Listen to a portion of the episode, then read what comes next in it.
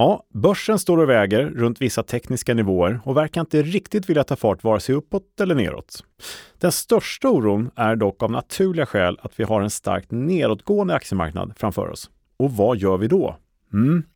Vi har strategierna till dig som gör att du kan tjäna på en nedgång samtidigt som du har en fullt kontrollerad och begränsad risk.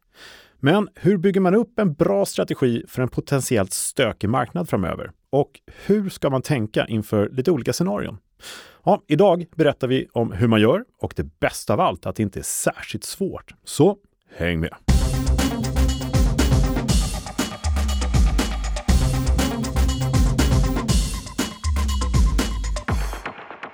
Ja, varmt välkomna tillbaka till Optionspodden. Här är podden som ger dig kunskaper som ingen privat eller professionell investerare på börsen bör vara utan.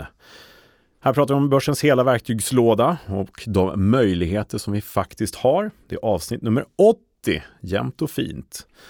Och mitt emot mig, inte kanske helt chockerande eller förvånande, så har jag Thomas Bernholm. Från Nasdaq. Nasdaq. Mm. Jag har inte bytt. nej, Nej, inte det. det är inte från eh, Volvo eller från något annat Nej, nej. bolag. Nej. Vad bra. Hur är det med Eh, Kalle då? Ja, men det är bra med mig. Mm. Eh, jag är glad över alla frågor vi får och eh, om börsens vara eller icke vara Mm. på uppsidan. Eller nedsidan? Ja, vi ska prata mer om hur marknaden mår strax, men vi har ju ja, men, lite tvetydigheter om riktning, vad det ska, vad det ska ta vägen och våra lyssnare och jag ser i forum och i media att det är vissa oroligheter. Mm. Såklart. De har alltså Så. efterfrågat lite strategier på nedsidan så att säga? Eller? Ja, vad gör vi om det faller? För att av naturliga skäl så verkar det vara där den största oron, kanske lite som vanligt, års, höll jag på att säga, finns. Ja. Liksom. Och där tänkte Så. vi berätta om några varianter i alla fall. Mm. Och som vi har varit inne på tidigare, lite grann hur man kan bygga upp en strategi. Det behöver inte vara så att du gör en lite mer avancerad strategi med en gång, utan du kan ju faktiskt bygga upp till den. Exakt. Så det ska vi Det prata lite legoförfarandet också. Ja, Mm. precis. Hur man hamnar i en strategi som är fullt förståelig, men sen plötsligt märker man att det är en ganska avancerad strategi. Ja. Men det är inte det ändå. Det är spännande. Men du, Så- först en liten reflektion bara. Mm. Avsnitt nummer 80. Ja, Det är ju ett ansenligt tal här. Det är det verkligen. Ja. det är stort. Eh, 80 avsnitt. Ja. Eh, ja, hur många fler ska det bli? Är det lika många till? Ja, det tycker jag väl. Det får väl våra lyssnare avgöra. De kanske tycker jag där Det räcker stannar här. Ja, eller hur? Vi får väl se. Ja. Nej men du, det här är Mm. intressant, många olika Ja. strategier och man kan egentligen nästan bara fråga sig hur mycket vill du att du ska falla, eller hur? Det är, en, Är du bara förberedd så, Vilken bra fråga. Mm. Hur mycket vill du att det ska falla? exakt. Ja, jag vill att det ska falla 47 procent. Ja men då tar du höjd för det. Ja. Då anpassar du en strategi för det. Usch, det vill jag inte alls. Men det, jag förstår hur du tänker och det är verkligen eh, grunden liksom, i tänket. Ja, nej, men rent hypotetiskt Mm. så kan man tänka de banorna. Det gör att vi faktiskt har möjligheter även i en nedåtgående marknad på många olika sätt. Utan, ska vi säga, för den sakens skull att vi tar bort för mycket på uppsidan. Så. Vi behöver inte ta för mycket risk om det går åt fel håll och rakt upp. Exakt. Utan då har vi ju andra saker. Och man behöver nödvändigtvis inte köpa ett jättedyrt skydd heller på nedsidan, alltså en dyr försäkring, Nej. utan det finns lite varianter. Så det finns ju lite extra faktorer Mm. som jag tror att ganska många, inte våra lyssnare tror jag så mycket, men eh, generellt av de som investerar på börsen missar att ta med beräkningen. Mm. Vet vilka faktorer jag tänker på då? inte bara upp och ner på börsen utan det finns ju även tidsaspekten. Ja. Vilken tidsaspekt har vi? Det är inte alla som tänker på det hela tiden. Vi har ju volatiliteten Mm. under den här tiden, Mm. är viktig. Mm. Och sen vilken nivå vi tror det ska hamna Exakt. under den här tiden. Mm. Här har vi lite grejer. Så att jag brukar ju säga att du tror mer än du anar. Den är bra. Aha, eller hur? Tror mer än vad andra. Du gör ju verkligen det. Fast Ja. nu gäller det att vi kan använda det också. och Just det ska det. vi titta på idag. Men du, dagens ämne är alltså Mm. lite grann på efterfrågan, ska säga, på begäran av Mm. lyssnare och sådär. Så det, Ja, Det precis. bra. Så vi går igenom strategier för en eh, stökig marknad om man är lite orolig för det. Utan Mm. att ta bort för mycket på uppsidan för det. det. Och har man önskemål generellt, hur gör man då?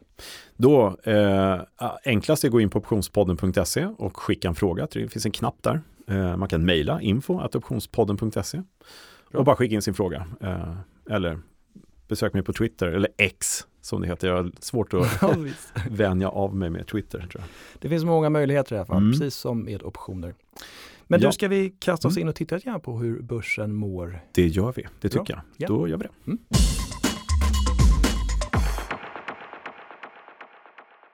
Ja, Kalle, läget på börsen då? Det vill Mm. vi höra. Ja, men läget eh, är ju som så att även om det kanske rör på sig någon procent upp och ner här gjort sista tiden så är det lite så att aktiemarknaden står och väger. Det är lite avsaknad av vägledning eller momentum om man så vill tycka inför ja, men det vi kallar för närmaste investeringsperioden, mm. närmaste månaden kanske eller två. Eh, det har ju varit en eh, liten nedgång senaste tiden. Eh, inte något kraftfullt så, men det var lite utförsäljning, gick ju ner, vad var det? sex dagar i rad. Ja, det, var sånt, ja, ja. Precis. Ja. det har bromsats upp lite grann och det har kommit upp lite grann efter det. Men mm. om man tittar på, som jag alltid brukar uppmana till lite grann, som är ganska bra att göra, en liten historisk bild av index, mm. så ser man att det är ganska mycket sidlänges rörelse som du säger. Mm. Eh, det rör sig liksom åt sidan. Så att marknaden eh, mår väl ganska okej. Okay. Vi är fortfarande några procent plus på året, men inte mer än den riskfria räntan längre. Så att kan vara värt att tänka så också. Yeah. Eh, och söka efter lite triggers. Så, så är generellt känslan tycker jag på mm. börsen. Eh, sen kommer vi till risken förstås. Exakt. Som är vår lilla grej. Titta volatilitetsnivåer. Vad betalar man för riskpremie i börsen? Ja, hur ser det ut där nu? Ja, men det har varit väldigt billigt. Eh, om man ska tänka sig en försäkringspremie så i Puts till exempel har varit otroligt billigt eh, länge. Sen så kom det här upp eh, nu sista ja, men, veckorna. Har det kommit upp. VIX-index har ju legat ja, men strax under 12, eh, 13, 12, 11 till och med mm. i början på sommaren där och eh, när det nu var. Och sen kom det upp lite grann med den här sex dagars försäljningen på när det gick ner sex mm. dagar i rad. Enligt skolboken som brukar säga. Ja, lite så. Mm. Eh, naturligt, risken går upp. Man vet inte riktigt, ska det fortsätta? Kommer ett större ras och lite sådär. Men sen har det då hämtat sig lite grann och risken har kommit ner. Så att just nu är vi tillbaks nere vid 13,5 nivån. 13,88 var det sista jag såg. Eh, på VIX-index. Just det. Och här om du är ny som lyssnare så är det mm. alltså implicit volatilitet vi pratar om och mm. VIX-index då? På S&P 500. Mm. Uh, och det var någon som kan nämna det faktiskt att VIX-index det är enda in, uh, volatilitetsindex i sitt slag i världen. Uh, de har patent på det, där borta i Chicago. Just det. Så ingen får ha något annat. Det finns väl förstås, men det är ingen som får publicera på det sättet. Så att det här är ju någonting som alla använder sig av. Men det är ju en väldigt bra måttstock. Mm. Så att låg risk och en avvaktande börs och so far so good är det ju. Och vi befinner oss alltså runt närmare 14? Då. Nej, ungefär strax under 14 som ja. det är just nu men eh, eh under 20 brukar vi säga är ganska låg risk eh, ja. och acceptabel risk att investera i aktier i så att säga. Sen tittar vi även på nedsidesoptioner, det vi kallar för SKEW-index. Och då kan vi ta det snabbt också. Eh, om det är som så att man ska tänka sig ett optionsvärde så är volatiliteten det som är det enda rörliga värdet, det enda vi inte känner till.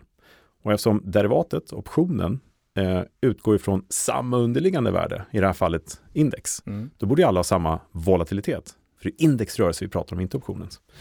Men så blir det ju inte, för efterfrågan är alltid större på nedsidan, de med lägre lösenpriser. Det vill säga folk vill köpa säljoptioner en bit ner för att ja. försäkra sig. Ja, och varför vill de där nere, köpa där nere? För att det är billigare mm. i dollar cent, kronor och ören. Mm. Och om den stora kraschen kommer, då blir det ju den här hävstångseffekten också som dessutom läggs till på skyddet. Så det är ju väldigt attraktivt. Och då kan man mäta det i SKEW-index och SKEW-index lika med 100. Då är volatiliteten identisk på alla nivåer så att säga. Men det är det ju aldrig. Nej. Så normalläge på SKEW-index är 120. Då är det alltid en viss eh, prisskillnad. Lite dyrare på den så kallade nedsidan för att köpa nedsidesförsäkring. Mm.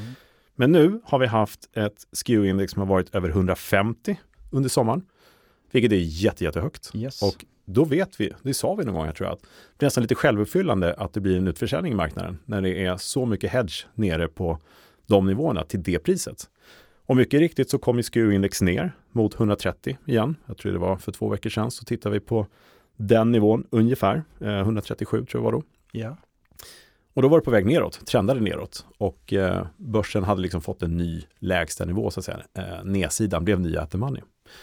Men nu så är det ny oro. VIX-index, eller SKU-index börjar ticka på uppåt lite grann igen. Man väljer att betala upp lite mer för nästa nedsida som kommer. Okay. Så att oron finns kvar, kort och gott. Ehm, och nivån vad sa du? Nu är den 142, det sa jag inte. Nej. Så, bra fråga. det var bara en liksom ledande fråga ja, där. Ja, nu jättebra. måste du säga nivån mm. tänkte jag egentligen säga. Bra, ja. bra du på mig. Jag bara babblar hela tiden. Så att eh, SKU-index för 100, allt över 140 är ganska dyrt faktiskt, allt annat lika vid var tid. Och man väljer att betala pengar för nedsidesskydd. Väl värt att beakta mm. i sin strategi framåt. Det är oroligt där ute. Och som jag nämnt tidigare, det här är bra för analysens skull, men det är också väldigt bra när du väljer optionsstrategi, vilken position Mm. du ska ha, att du kanske kan dra nytta av en sån Mm. här eh, skevhet i prisbilden. Ja, men Skriv, verkligen. Och såna saker. Så Ja, det är bra att titta på det. ja, det är det. Mm. Och liksom kontinuerligt titta på det så man lär sig rörelserna. Som till exempel när SKU-index kommer upp över 150 kanske med jättehöga nivåer. Då har man bra indikament, indikament Indikationer. indikationer. Ja. Ja, men på att det kanske är så pass oroligt så att folk kommer välja där borta att sälja ut eh, lite nivåer på olika innehav och sånt där. Så Mm. kommer det leda till lite nedgångar. Så det är bra att hålla koll på. Men vi har ju en tredje variant Mm. också. Det är lite överkursen med eh, eh, volatiliteten på VIX-index i sig självt. För där kan man även handla optioner och vad är premien värd där så att säga. Och där har vi haft väldigt låg volatilitet under en tid så gick det upp lite grann här eh, på den premien. Men nu har det fallit tillbaka igen. Så en lägre volatilitet på VIX-index, som man får säga så, i kombination med en lite återhämtande marknad efter de här Mm. eh, ja, lite mer turbulenta eh, Mm. perioden bakom oss på några dagar. Ja. Eh, så skapar det sig ett visst lugnt i leden. Alltså det blir lite lugnare av den aspekten. Eh, så att det här indexet låg upp, eller ration, du jämför volatiliteten på VIX-index mot VIX-index. Den raka ration eh, har vi sagt ligger mellan 6 och 7 så är det nog föremål för att det blir korrigering i marknaden. Mm. Den här var upp mot 6,5-7 och mycket riktigt kom faktiskt en liten korrigering. Mm. Och då gick den här ner igen mot 6 ungefär, 6 och en halv någonstans där. Ja. Där stannar den och tickar upp lite grann igen och ligger just nu faktiskt på 6 och, vad står det? 60. Ja.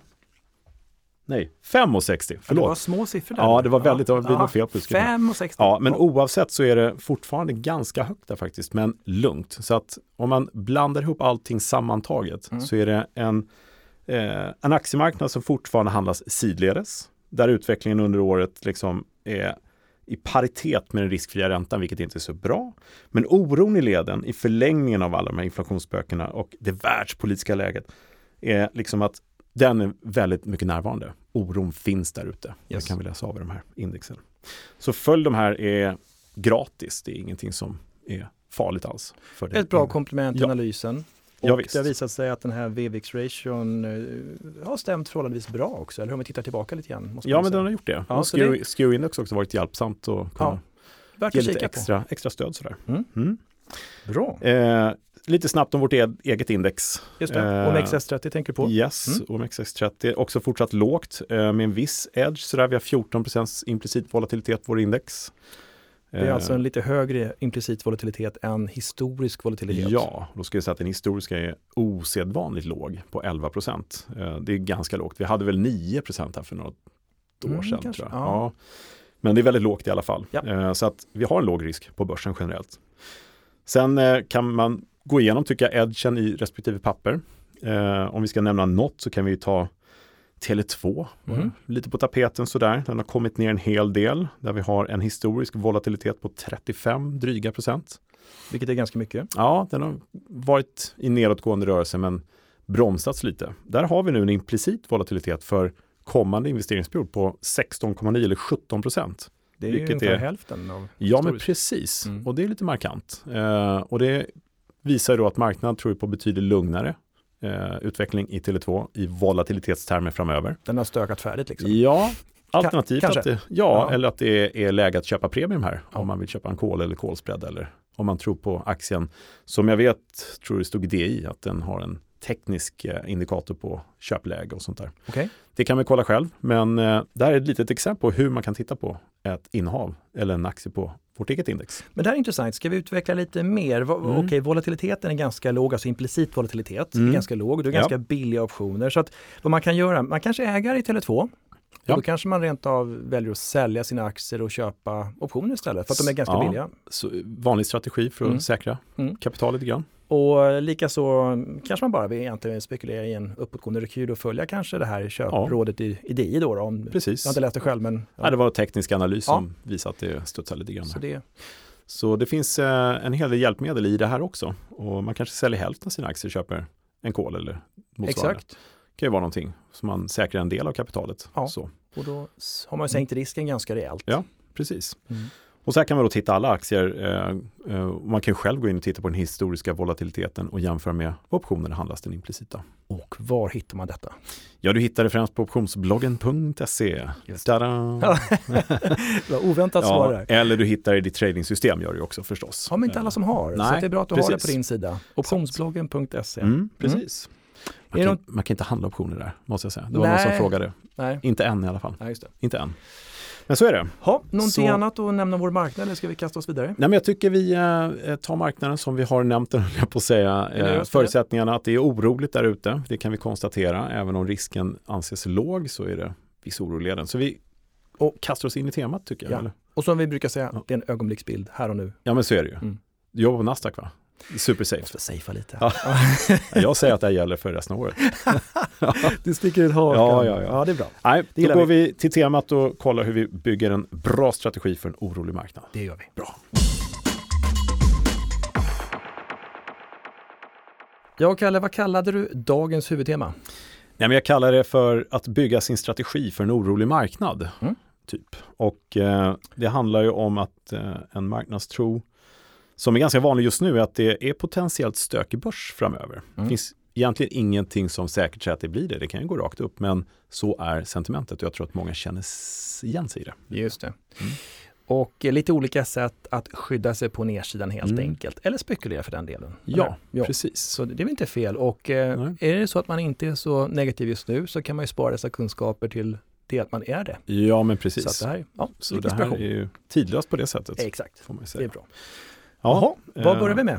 Nej, men jag, jag tänkte förstås på nedsidan så är det ju säljoptioner, puts, mm. som är vår eh, huvudkompis, så, som vi kan göra massa olika roliga saker med. Intuitivt så kommer den först liksom. Ja, men mm. precis. Och det första man ska fråga sig förstås, eh, äger vi bara aktier eller bara handlar aktier? Då kan vi välja att antingen sälja aktien eller vara kvar i aktien. Mm. Och är man avancerad kan man ju faktiskt blanka en aktie också. Men det tror jag många inte har gjort tidigare sådär kanske, om de bara sitter med en aktie. Ja, mm. kanske lite blandat sådär. Mm. Men i det här läget så har vi våra optioner till vår hjälp och då ska vi börja med tre stycken överväganden. Eh, och det är vid sidan om upp eller nedgång och i det här fallet så tror vi lite grann på nedgång då, som ja. komma skall och hur förberedas för det. Till att börja med tidshorisonten, viktig. Eh, vilken tid tror vi gäller? Är det en månad eller tre månader? Bestäm sig för det. Eller en vecka. Ja, kan, ja. faktiskt. För all del. Ja, för all del. Ja. Eh, volatiliteten, vad tror vi om rörelsen? Det är lite grann hur snabbt ska det gå? Mm. Uppåt eller neråt? Sådär. Just det, och då mm. pratar vi också implicit volatilitet här, hur, ja. hur de är värderade aktierna, eller optionerna. Ja, exakt. Mm. Och som vi sa alldeles nyss, exemplet Tele2 som var låg volatilitet som mm. vi tyckte, så kan vi spekulera, ja men det kommer fortsätta vara turbulent där. Då ska man ju köpa premium, för då mm. kommer ju vegat i volatiliteten hjälpa oss på vägen.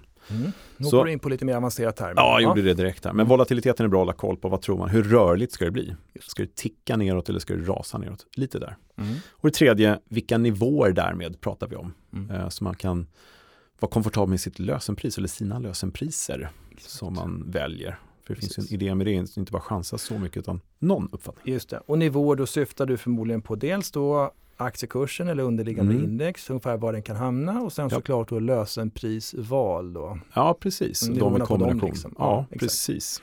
Klokt. Så, så jag tänkte börja med, det finns fyra olika scenarion här. Och vi börjar med den enkla. Mm. Tänkte att jag berättar marknadstro och jag berättar om mm. vad som kan hända och du berättar om vad vi gör. Så där ja, ja, ja. tack. Så, så första marknadstron är då stark nedgång i närtid. Vi tror att den här eh, kraschen, eller nästan till kraschen, kraftig nedgång i alla fall, kommer vara de närmsta månaden eller kanske två. Mm. Då är strategin helt enkelt att köpa en putt. Säljoption. En säljoption, mm. en av fyra grundpositionerna. Ja. Vad innebär det? Ja, hur, precis. hur tänker vi då?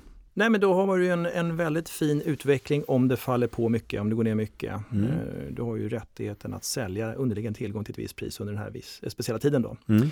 Och vad jag gillar med det här det är att du får med dig alltså, vi går in på de här grekerna igen då, delta, mm. det vill säga rörelsen gynnar mm. dig om det går ner och du äger en sån här. Ja, verkligen. Och sen då, vi har pratat om implicit volatilitet hela tiden och hur mm. viktigt det är med värderingen. Då får den med dig också för implicita volatiliteten stiger. Mm. Sammantaget ökar optionspremien, optionspremien markant och, mm. och gynnar dig som har köpt en sån.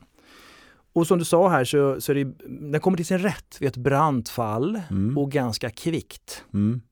Mm. För eh, annars kanske man då eh, alltså det här med tidsvärdet som finns i optionerna, att, att det börjar liksom rinna ur lite och sådär. Mm.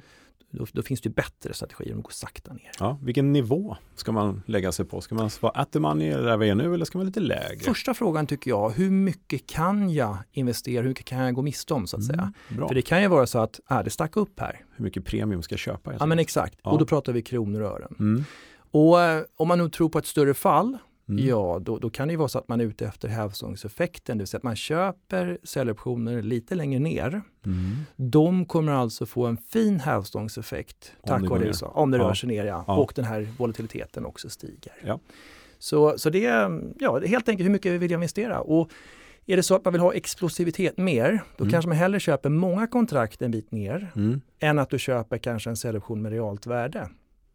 Då har du inte samma explosivitet så att säga. Nej. Då börjar den snarare efterlikna en blankad aktie. Men ja, har du det. köpt många puttar ja. så kommer det bli en otroligt fin hävstångseffekt om det faller mycket. Så att eh, om man verkligen tror på säg 30-procentiga coronafallet, ja. hoppas inte, men mm. om vi säger att vi får rätt i det mm. och vi köper säljoptioner, alltså säg 30% ner eller 25 ner, mm. då kommer de väldigt snabbt bli in the money.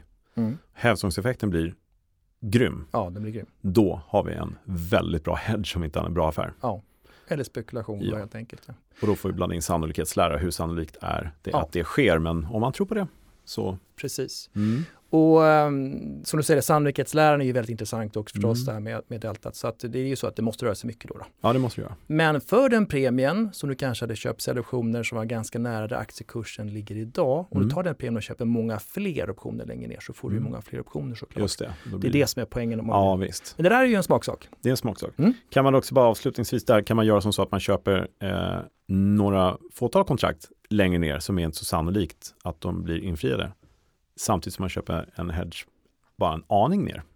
Blanda lite, ja, ja. blanda nivåer. Ja, men precis. Kan man lite så här trappa ner. Ja, det kan man göra. En trappa, eller stege? Ja, eller? ja stege. Ja, stege ja. man sa. Ja, precis. just det. Ja, det går fint.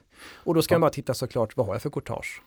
Ja, hos, hos, banken så, mm. att, så att inte det stör. Liksom. Nej, just det. Mm. Det får man kolla. Bra. Vi tar nästa marknadstro. Det är en begränsad nedgång, ingen stark nedgång. Det mm. som är lite mer, de var inne på, sannolikt kanske går ner 4-5 procent. Mm. vad hade du tänkt det här då? Ja, eh, då tänkte jag att man istället för att köpa en putt, man kompletterar med att utfärda en annan putt så det blir en putt-spread. Just det. Vad innebär det? Ja, då har vi ju då den här innehavda som i tidigare exempel, men vi då kompletterar med en utfärdad putt längre ner som du sa. Så då har du alltså begränsat din vinstmöjlighet, mm. men du har också begränsat eller reducerat vad du investerar. Den här strategin blir ju billigare för mm. att du köper en och säljer en option. Så, så det är bättre på det sättet, du, du förlorar liksom mindre. Mindre risk. Eller förlorar mindre, du, du investerar mindre så att du har mindre risk. Precis som du Om säger. du går rätt åt skogen förlorar du mindre. Ja, så kan exakt. man säga. Så mindre risk, det är bra. Ja. Och fördelen med det här är också att du har ju, du, du tjänar mer pengar på en liten rörelse i och med att du har investerat mindre. Mm. Och, men sen finns det såklart också andra överväganden. Du blir ju lite mer låst. Du har ju mm. två stycken optionsben mm. och den här kommer till sin rätt, vi har pratat om det förut också, det kommer till sin rätt när du närmar dig lösen, alltså när optionerna förfaller. Yep. Då, för att annars det kan vara ganska mycket tidsvärde kvar mm. i dem. Så att. Just det. Men det är lite mer så här, man lite kanske mer långsiktig och man tror inte ska gå ner så mycket Nej. och inte så fort sannolikheten lite bättre på sin sida kanske också. Exakt. Eh, det är otroligt svårt att tajma det här stora, stora fallet som händer en gång var tionde år. Om mm. man ska vara helt ja, statistiskt precis. ärlig. Men jag tycker så. också det du inledde med här och prata att du kan komplettera vissa, att man kan bygga lego. Mm. Så kan det vara så att du sitter med den här innehavda säljoptionen som är mm. första exemplet. Sen har det gått ner en bit. Ja. Antingen kan du då sälja den här optionen som mm. du hade. Ja. Men du kan också då göra som du sa här, du utfärdar en säljoption en bit ner. Då säkrar du Mm. Kanske säkra hela insatsen ja. eller ännu mer. Och så har du fortfarande chans på en fortsatt nedgång. Stege kan du göra det på flera nivåer. Ja, just det. Eller hur? Ja. Så att det här är intressant. Man kan köpa alltså sin säljoption på nedsidan som hedge. Mm. Sen om det liksom går söderut så att säga, ja. då kan man komplettera den här och göra en putsbredd av det hela. Mm. Och då har vi hamnat i en ny situation, en ny position och man har säkrat, man har fått lite rätt. Det är som att liksom låsa in någonting. Exakt vinstaktigt. Jättebra. Mm. Men är det någonting mer vi ska säga? Ja, det är ju det. Jag tänkte, ja, just om den, jag tror vi osökt kommer in på nästa steg här. Och det mm. blir lite... Och vilken har du tänkt där då? Ja, då tänker jag mig att du eh, köper två puts och säljer en. Vi pratar om en eh, put backspread, en av mina favoritpositioner faktiskt. Mm. Och det här vet jag ju är, kan vara lite klurigt, men då vet jag också att du kan förklara här som är hur pedagogiskt som helst. Eh, nej men den är inte lika vanlig men det är en, det är en bra trevlig strategi mm. och eh, put backspread, eh, vi har alltså det puttar vi använder och ja. en backspread. Det är, till exempel då, säg att du utfärdar Ska vi börja med marknadstron bara? Att om vi har en stark nedgång i närtid Helt rätt. och tror på en volatil marknad. Mm. Alltså lite mer, inte panik kanske, men väldigt rörlig och nedåtgående marknad. Mm. Och tilltagande implicit mm. volatilitet. Ja, precis. Mm. Den är viktig. Just det. Blir Helt rätt. Så vad, vad gör vi då? Berätta. Nej men exempelvis, vi, vi brukar ju ofta ta exempel en aktie ligger runt 100, men vi säger att vi mm. tar och utfärdar en 105 putt. Mm. Och för den premien så köper vi dubbelt så många då 100 puttar. Ja, mm. två stycken istället för en ja. så att säga. Ja, och det kanske man gör plus minus noll. Ja, det lät ju så. Om man tar och utfärdar en 105 då, och aktien står i 100, mm. då är det lite realvärde. Mm. Och så köper man de där nere som är liksom på 100-nivån. Då kan man mycket väl göra det på plus minus noll. Mm. Och eh, det fina här då, då, det är om det faller mycket så har du alltså två stycken säljoptioner. Där på 100-nivån i det här fallet. Just det. Och du har finansierat dem genom att utfärda 105-nivån, mm. en, en säljoption. Ja. Och går då ner så har vi då de här egenskaperna som vi pratade om tidigare. Nedgången gynnar dig mm. och du har en implicit volatilitet som kommer att öka enligt skolboken, mm. vilket också kommer att gynna dig. För du äger två stycken optioner då. Just det. Så att det, och varför gör man det här inledde du med att säga också. Det är ju mm. så att du betalar ju ingenting för det här. Nej, det är ju den första riktiga fördelen. Ja. Det är ju kost, ja, man ska säga courtage. Eh, ja, betalar man ju. Mm. Men eh, plus minus noll och göra en spread på det är alltid attraktivt. Mm. Är det ju faktiskt. Så faller det mycket, du har betalat ingenting Nej. och eh, du har vad ska man säga, he, fri uppsida är fel ord för det faller ju. Men du har ingenting som begränsar dig. Nej. Du kan känna, går det ner mycket, mycket så har ju du som en, mm. en, en säljoption verkligen som du inte har betalat för. Betydande uppsida om mm. det går ner. Ja. Kan man säga. Verkligen. Men vi ska ärliga säga att den här, om man grafar upp den här så mm. ser man snabbt att om det bara går ner lite grann mm. är det inte så bra. Nej. Då har du din maxförlust men det är även, ska också benämna, en begränsad förlust mm. på det finns ju en gratis lunch här. Som Nej, det gör ju inte det. Och var är det värst då, Kalle? Vilken nivå? Det är ju vid 100-nivån va? Ja. Precis där vi köpte våra puls. Det är där vi har köpt våra kontrakt. Ja. Så blir det ju. För det är inte så attraktivt att ha rätten att sälja på 100 om det står i 100 i marknaden. Nej. Och däremot har utfärdat 105-nivån. Ja men visst.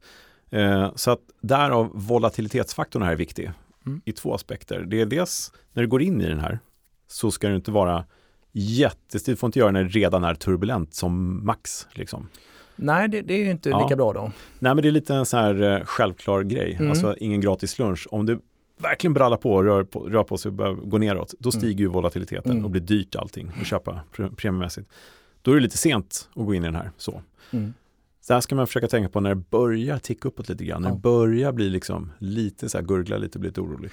Ja, och sen, alltså man kan ju etablera den här i god tid. Om det inte kostar någonting så mm. är det väl bara att ha det som en stopploss eller motsvarande. Du, du petar in den i en portfölj, Exakt. sen ligger där. Ja, precis. Så vet att brakar det på, då, ja. då är du trygg. Och det är kontrollerad förlust eh, om det nu skulle precis gå till ja, 100 eh, nivån där och stanna ja. där mm. och bli noll volatilitet.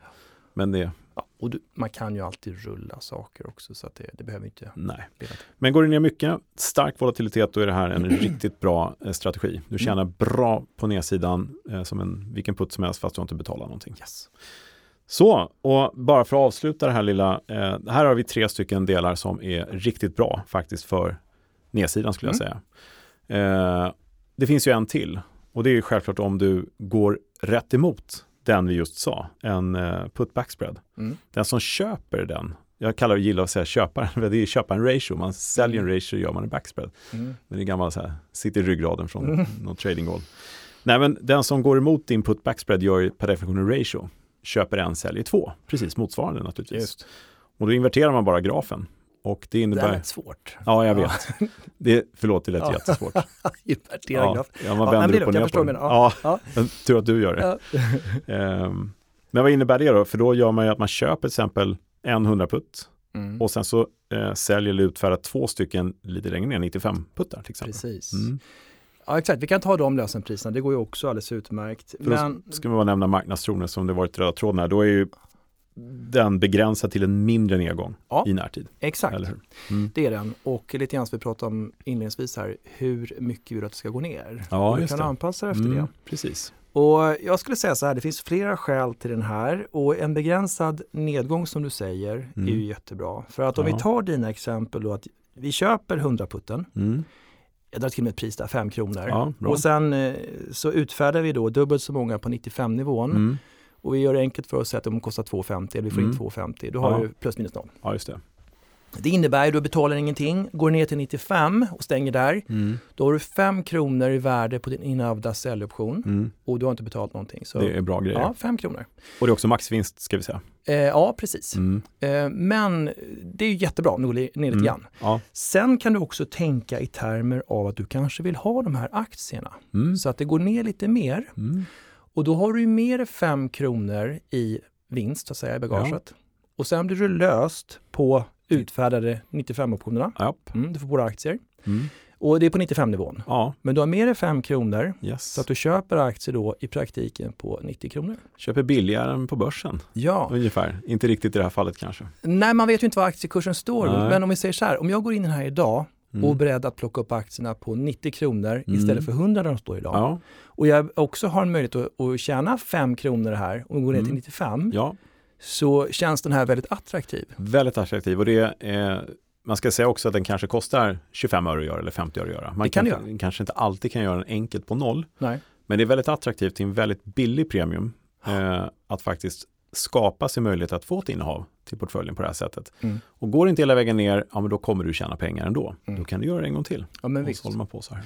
Och du kan ju laborera lite med mm. lösenpriser och löptider och försöka få ut bästa möjliga och så där. Speciellt om mm. du är mm. beredd att plocka upp aktien på en viss nivå. Yes. Men den här tycker jag man ska mm. kika på ordentligt. Ja. För det kan vara så att du äger då 2000 aktier, mm. tänker att det kanske går ner lite, men går ner så plockar jag upp dem. och då säljer du hälften och så etablerar du den här. Ja. Går det ner, ja det är perfekt. Du får på dig aktier billigare eller har fått in då lite ja. skydd för den andra.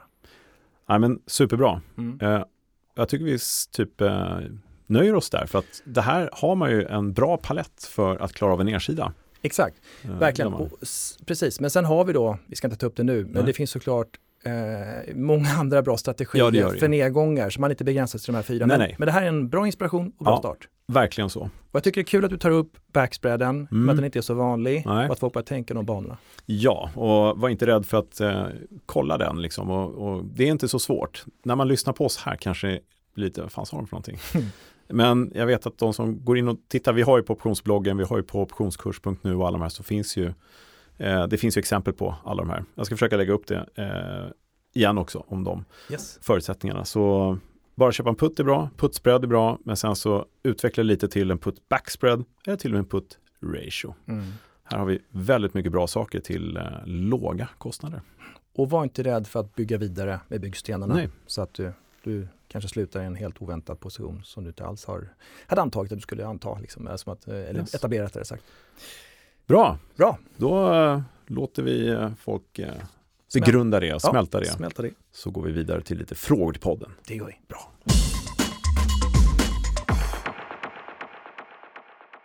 Ja, Kalle, du har väl fått in några nya fräscha mm. frågor till podden antar jag? Ja men absolut. Eh, tack för alla frågor. Vi läser varje fråga, garanterar jag. Jag gör mitt bästa för att försöka svara på så många som möjligt. Men vi tar med några, ett axplock här i podden. Eh, de som kommer ungefär snarlika. Fredrik har frågat så här, hur gör stora fonder som vill köpa en större post i ett specifikt optionskontrakt? Eh, mm. Ja, hur gör de? Ja, alltså normalt förfarande är att de har ju en mäklarkontakt på, på bankerna och fondkommissionärerna som mm. då helt enkelt undersöker om de kan hitta en eh, bra volym, ett bra block liksom. Ja. Och man, det kan vara så att man hör sig för bland flera. Ja. Det finns även så att man har möjlighet att ringa till börsen, vårt mäklarbord.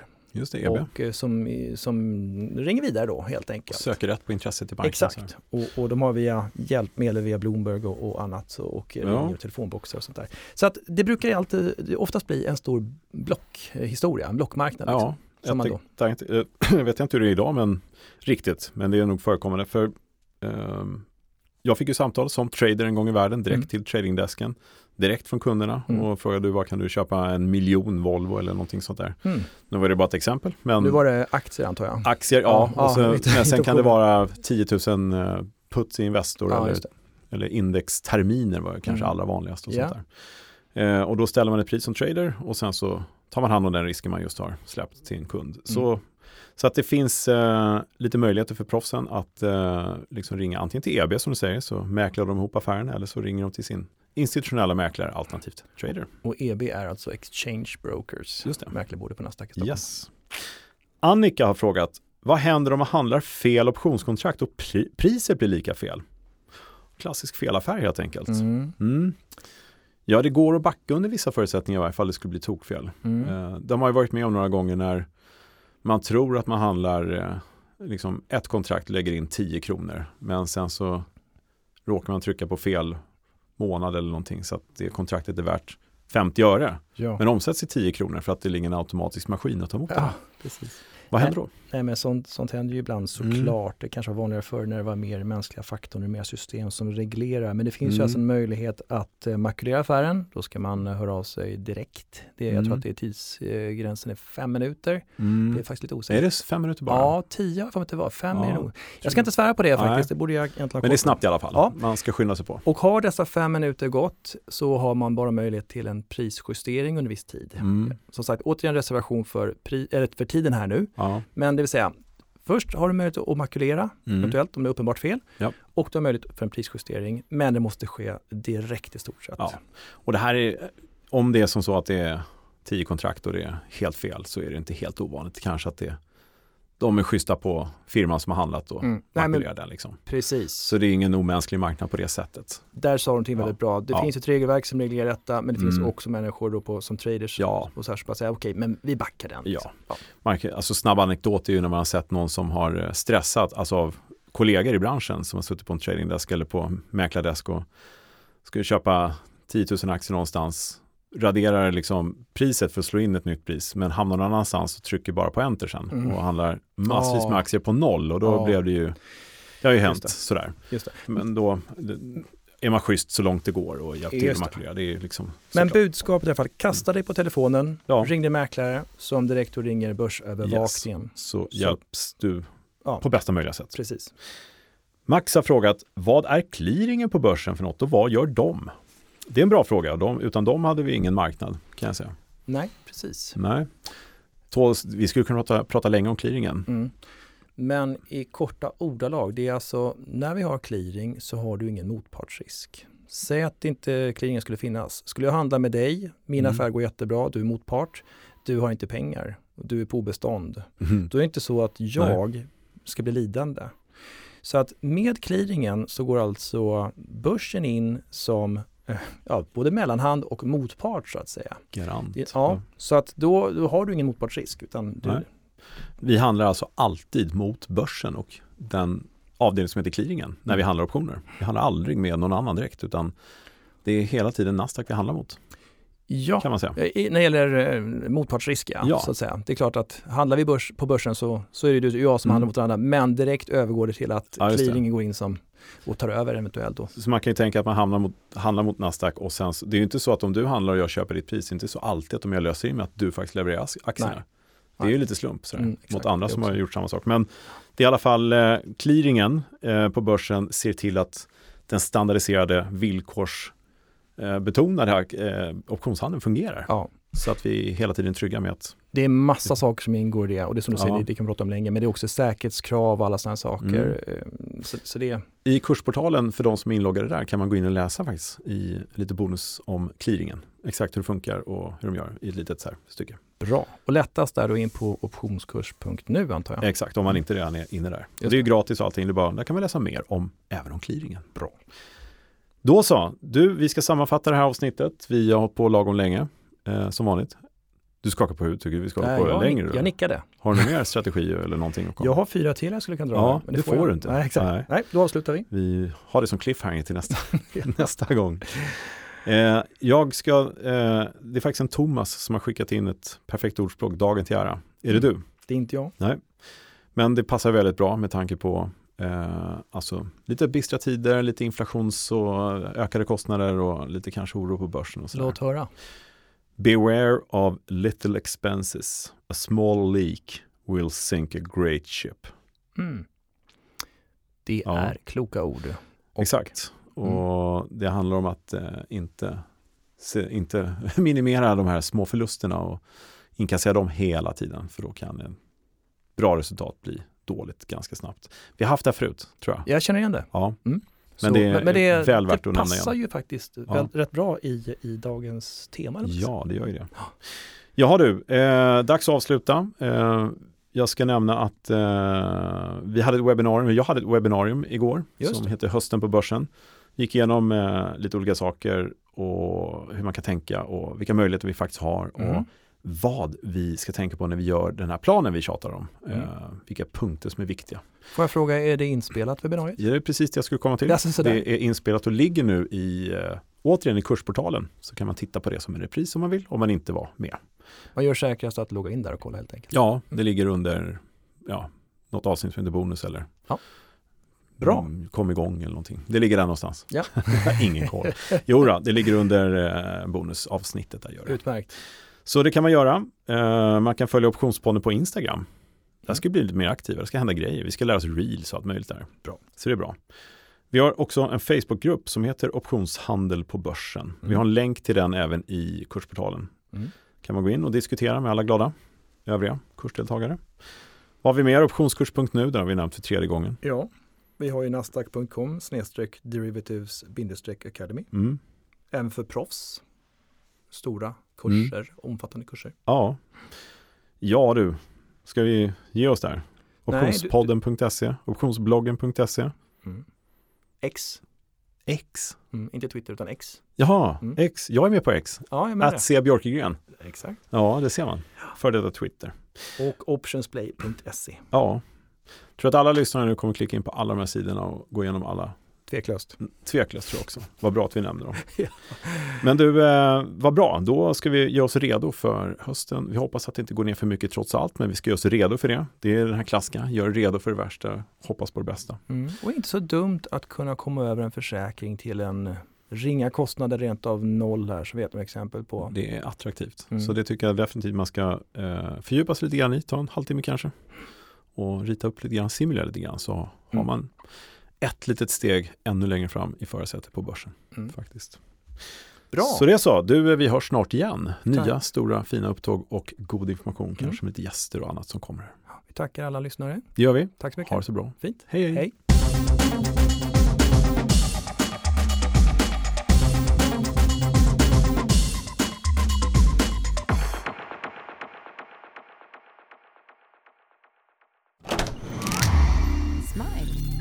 Den här podden har spelats in hos Studio Smile.